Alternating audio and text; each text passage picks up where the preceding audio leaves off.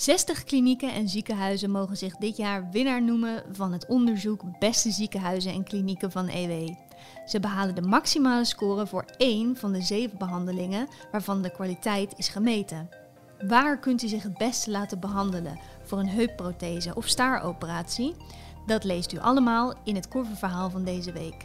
Mijn naam is Fleur Verbeek en ik spreek vandaag met de schrijver van dit verhaal, gezondheidsredacteur Marieke ten Katen. Welkom. Dankjewel. Marieke, ik zei zojuist, van zeven behandelingen is de kwaliteit gemeten. Welke zeven zijn dat? Ja, je, je noemde net al eh, de heupprothese en de staaroperaties. Um, verder gaat het nog om uh, knieoperaties, uh, behandelingen van borstkanker, uh, bariatrische ingrepen. Dat zijn ingrepen bij mensen met ernstig overgewicht. Um, en operaties bij een vernauwde halsslagader. Um, en dan vergeet ik nog één, behandeling van veneuze ziektes. en dan moet je bijvoorbeeld denken aan een trombosebeen of spataderen. Waarom is er specifiek gekozen voor deze zeven? Nou, dit zijn zeven veel voorkomende uh, ingrepen, dus, dus veel patiënten krijgen hiermee te maken. Uh, dat is een van de afwegingen, maar het, uiteindelijk is het vooral vanuit praktisch uh, oogpunt ook. We moeten wel genoeg informatie hebben om instellingen en behandelingen onderling te kunnen vergelijken. En dit zijn gewoon simpelweg de, de behandelingen waar de meeste informatie over beschikbaar is. Dus daar kunnen we op, op een betrouwbare manier een, een vergelijking van maken. Als we bijvoorbeeld een knieprothese nemen, welke factoren wegen dan mee bij bepaling van de eindscore van die behandeling? Nou, wat we hebben gedaan, we hebben gegevens gebruikt uit uh, Zorginzicht. Dat is een database van het Zorginstituut Nederland. En die verzamelt in opdracht van de overheid allerlei kwaliteitsinformatie over uh, uh, dit soort ingrepen. nou ja, en die informatie hebben wij gebruikt. dan is het nog een beetje afhankelijk van wat voor, ze noemen dit allemaal indicatoren die dan verzameld worden in zo'n database. Je kunt niet al die indicatoren zomaar gebruiken voor dit onderzoek. Om even een voorbeeld te noemen, uh, bij sommige indicatoren is niet gecorrigeerd voor de case mix van patiënten, zoals ze dat dan noemen. Dus of er uh, of een ziekenhuis of een kliniek um, nou ja, mensen met, met al bepaalde um, gezondheidsklachten behandelt.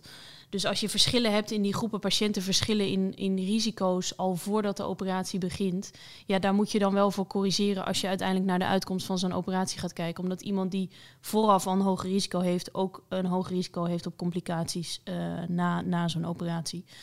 Uh, dat is bij sommige indicatoren niet gedaan. Dus die kun je dan gewoon niet meenemen in zo'n onderzoek. Omdat je, ja, dan ga je misschien uh, appels met peren vergelijken. Dus dat is niet helemaal eerlijk. Als je kijkt naar de knieprothese, um, nou ja, wat, waar bijvoorbeeld naar gekeken is, er is een landelijk registratiesysteem waarin uh, de geplaatste knieprotheses moeten worden geregistreerd. Uh, nou ja, een instelling kan aangeven hoe, uh, bij hoeveel procent van de patiënten dat ook daadwerkelijk is gebeurd. En uh, naarmate dat percentage hoger is, nou ja, geeft dat aan dat dat beter is. Ehm, dat, dat, Zo'n registratie is gewoon belangrijk. Bijvoorbeeld als er iets mis is met een bepaalde prothese, dat je kunt terugvinden welke patiënten die, die hebben gehad. Um, nou ja, en ander voorbeeldje nog, uh, bepaalde uh, instellingen, bij bepaalde behandelingen moet je patiënten uitvragen hoe zij zelf de zorg ervaren.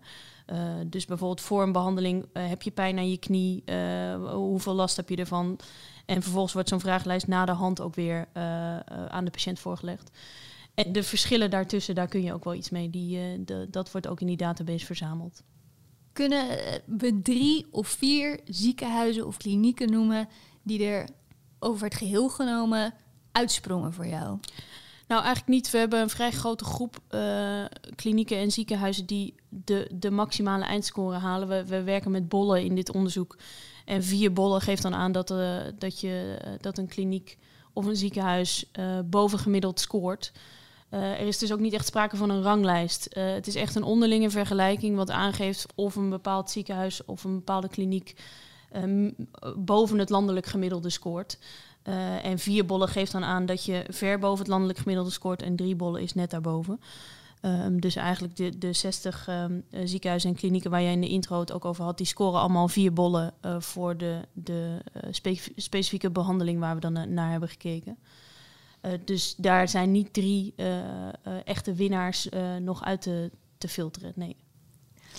Duidelijk. Ik denk dat het ook goed is om even te vermelden bij dit verhaal dat er een speciale website in het leven is geroepen, namelijk ewmagazine.nl/slash zorg. Abonnees hebben daar vrij toegang tot alle resultaten. Maar ook als u nog geen abonnee bent, kunt u voor 29,97 gedurende drie maanden alle resultaten inzien. En hebt u daarnaast ook toegang tot al onze artikelen op onze website ewmagazine.nl. En toegang tot andere onderzoeken zoals beste studies of beste gemeenten. Marieke, nog even over het onderzoek. Waarom zijn de ziekenhuizen en klinieken dit jaar samengevoegd? EW e doet al uh, jaren uh, dit soort onderzoeken en daarbij was er altijd een, een opsplitsing. We hadden beste klinieken en beste ziekenhuizen. Um, maar heel veel behandelingen die wij um, onderzochten, kunnen zowel in een kliniek als in een ziekenhuis worden gedaan. En uiteindelijk maakt het voor een patiënt dan niet echt uit waar, waar die geholpen wordt. als de kwaliteit van zorg goed is en de wachttijd niet te lang, um, dan nou ja, kun je kiezen voor, voor zowel een kliniek als voor een ziekenhuis.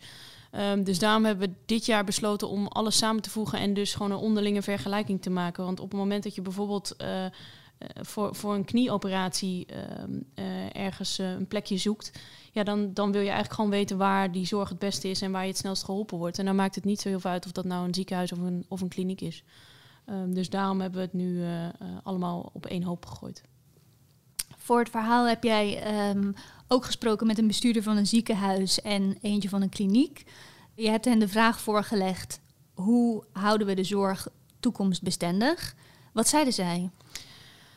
Um, nou, het, is gewoon.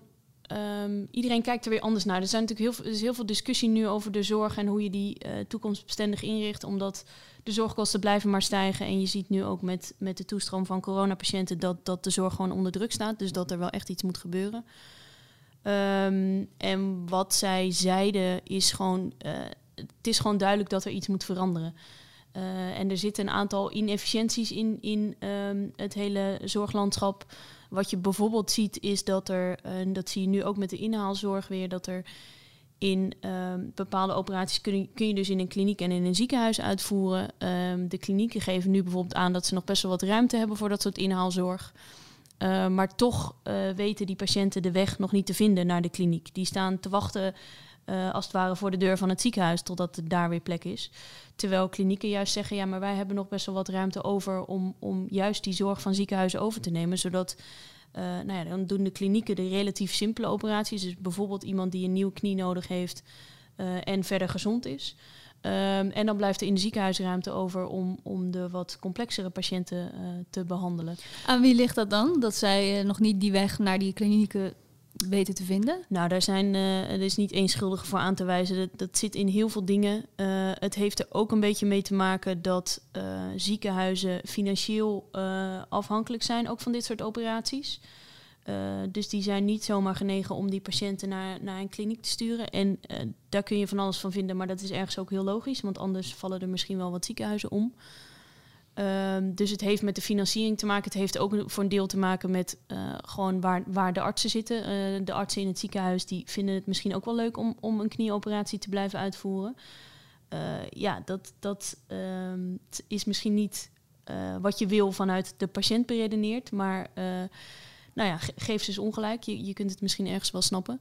Dus daar, zitten, daar spelen allerlei belangen uh, bij een rol. En wat um, uh, die bestuurder van uh, de kliniek die ik geïnterviewd had, die zei ook van wat je eigenlijk gewoon mist is een centrale regie. Dus iemand ehm, die van bovenaf eens bekijkt, gewoon, goh, hoe ziet ons zorglandschap eruit en wat zou er misschien beter kunnen. Uh, we hadden het in het gesprek uh, ook even over het voorbeeld van uh, Denemarken. Dat, dat hoor ik wel vaker terug. Dat is een land waar op een gegeven moment de overheid gewoon heeft bedacht: oké, okay, waar hebben we de ziekenhuizen voor nodig en waar hebben we de, de klinieken voor nodig en waar moeten die dan in het land liggen? En daar is eigenlijk gewoon dus een, een soort nieuw plan bedacht van dit is hoe het zorglandschap eruit moet zien. Um, ja, en dat is in Nederland uh, is die centrale regie er gewoon niet. Uh, dus dan zie je dat iedereen in zijn eigen regio of in zijn eigen ziekenhuis of in zijn eigen kliniek gaat bedenken wat, wat het beste uh, is. En dat is niet per se het beste voor, voor Nederland en voor de Nederlandse patiënt. Lijkt me een goede rol weggelegd voor de nieuwe minister van Volksgezondheid in het volgende kabinet. Het aantal klinieken neemt toe in Nederland, schreef jij ook. Hoeveel zijn er nu? Ja, het hangt een beetje vanaf hoe je telt, maar de, uh, in het laatste rapport van de inspectie gaat het over uh, ruim 500 uh, klinieken die, die gegevens hebben aangeleverd bij de inspectie. Want de inspectie houdt dan bijvoorbeeld toezicht op de kwaliteit van zorg. Dus daar moeten dan bepaalde, nou ja, bepaalde informatie moet daarvoor aangeleverd worden. En dat zijn dus ruim 500 klinieken die dat doen. Uh, en inderdaad, daar is een enorme groei in geweest. Sinds, sinds de introductie van de gereguleerde marktwerking in de zorg zie je dat die, dat aantal klinieken echt toeneemt. Um, en ze nemen gewoon steeds meer zorg vanuit de ziekenhuizen over. En het idee daarachter is dat zij dat dus goedkoper kunnen, goedkoper en efficiënter dan in een ziekenhuis. en zij zeggen zelf ook dat ze, omdat ze zich toeleggen op één specifieke ingreep of één specifiek specialisme, dat de kwaliteit daar ook beter van wordt. Omdat je, uh, nou ja, de artsen zijn dus dag in dag uit met een specifieke behandeling bezig. Um, en dat maakt ze getraind om, uh, om uh, nou ja, ze, ze, worden daar steeds beter Doet in. Doet niet onder voor ziekenhuiszorg? Nee, nee. En dat is nog wel eens een beetje het beeld wat er bij mensen leeft. Dat de klinieken nou ja, qua kwaliteit of qua geleverde zorg minder zijn dan, dan de ziekenhuizen. En ik kan dat sentiment ergens wel goed begrijpen. Maar uh, nou ja, als je bedenkt dat dus zo'n arts in een kliniek echt de ruimte krijgt om zich specifiek op één uh, ingreep of één specialisme toe te leggen, ja, dan, dan is het vrij logisch dat die mensen echt niet onderdoen voor de arts in een ziekenhuis. Nee.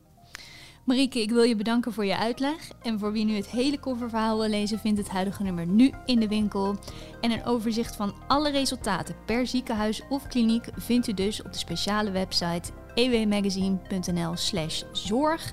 Daarin ook antwoord op de vraag bij welke ziekenhuizen de wachttijd het kortst is en u dus het snelst terecht kan. Daarmee zijn we aan het eind gekomen van deze podcast. Ik wil u bedanken voor het luisteren. Vergeet u niet te abonneren. Volg ons op Twitter en Facebook voor de laatste updates. En graag tot de volgende keer.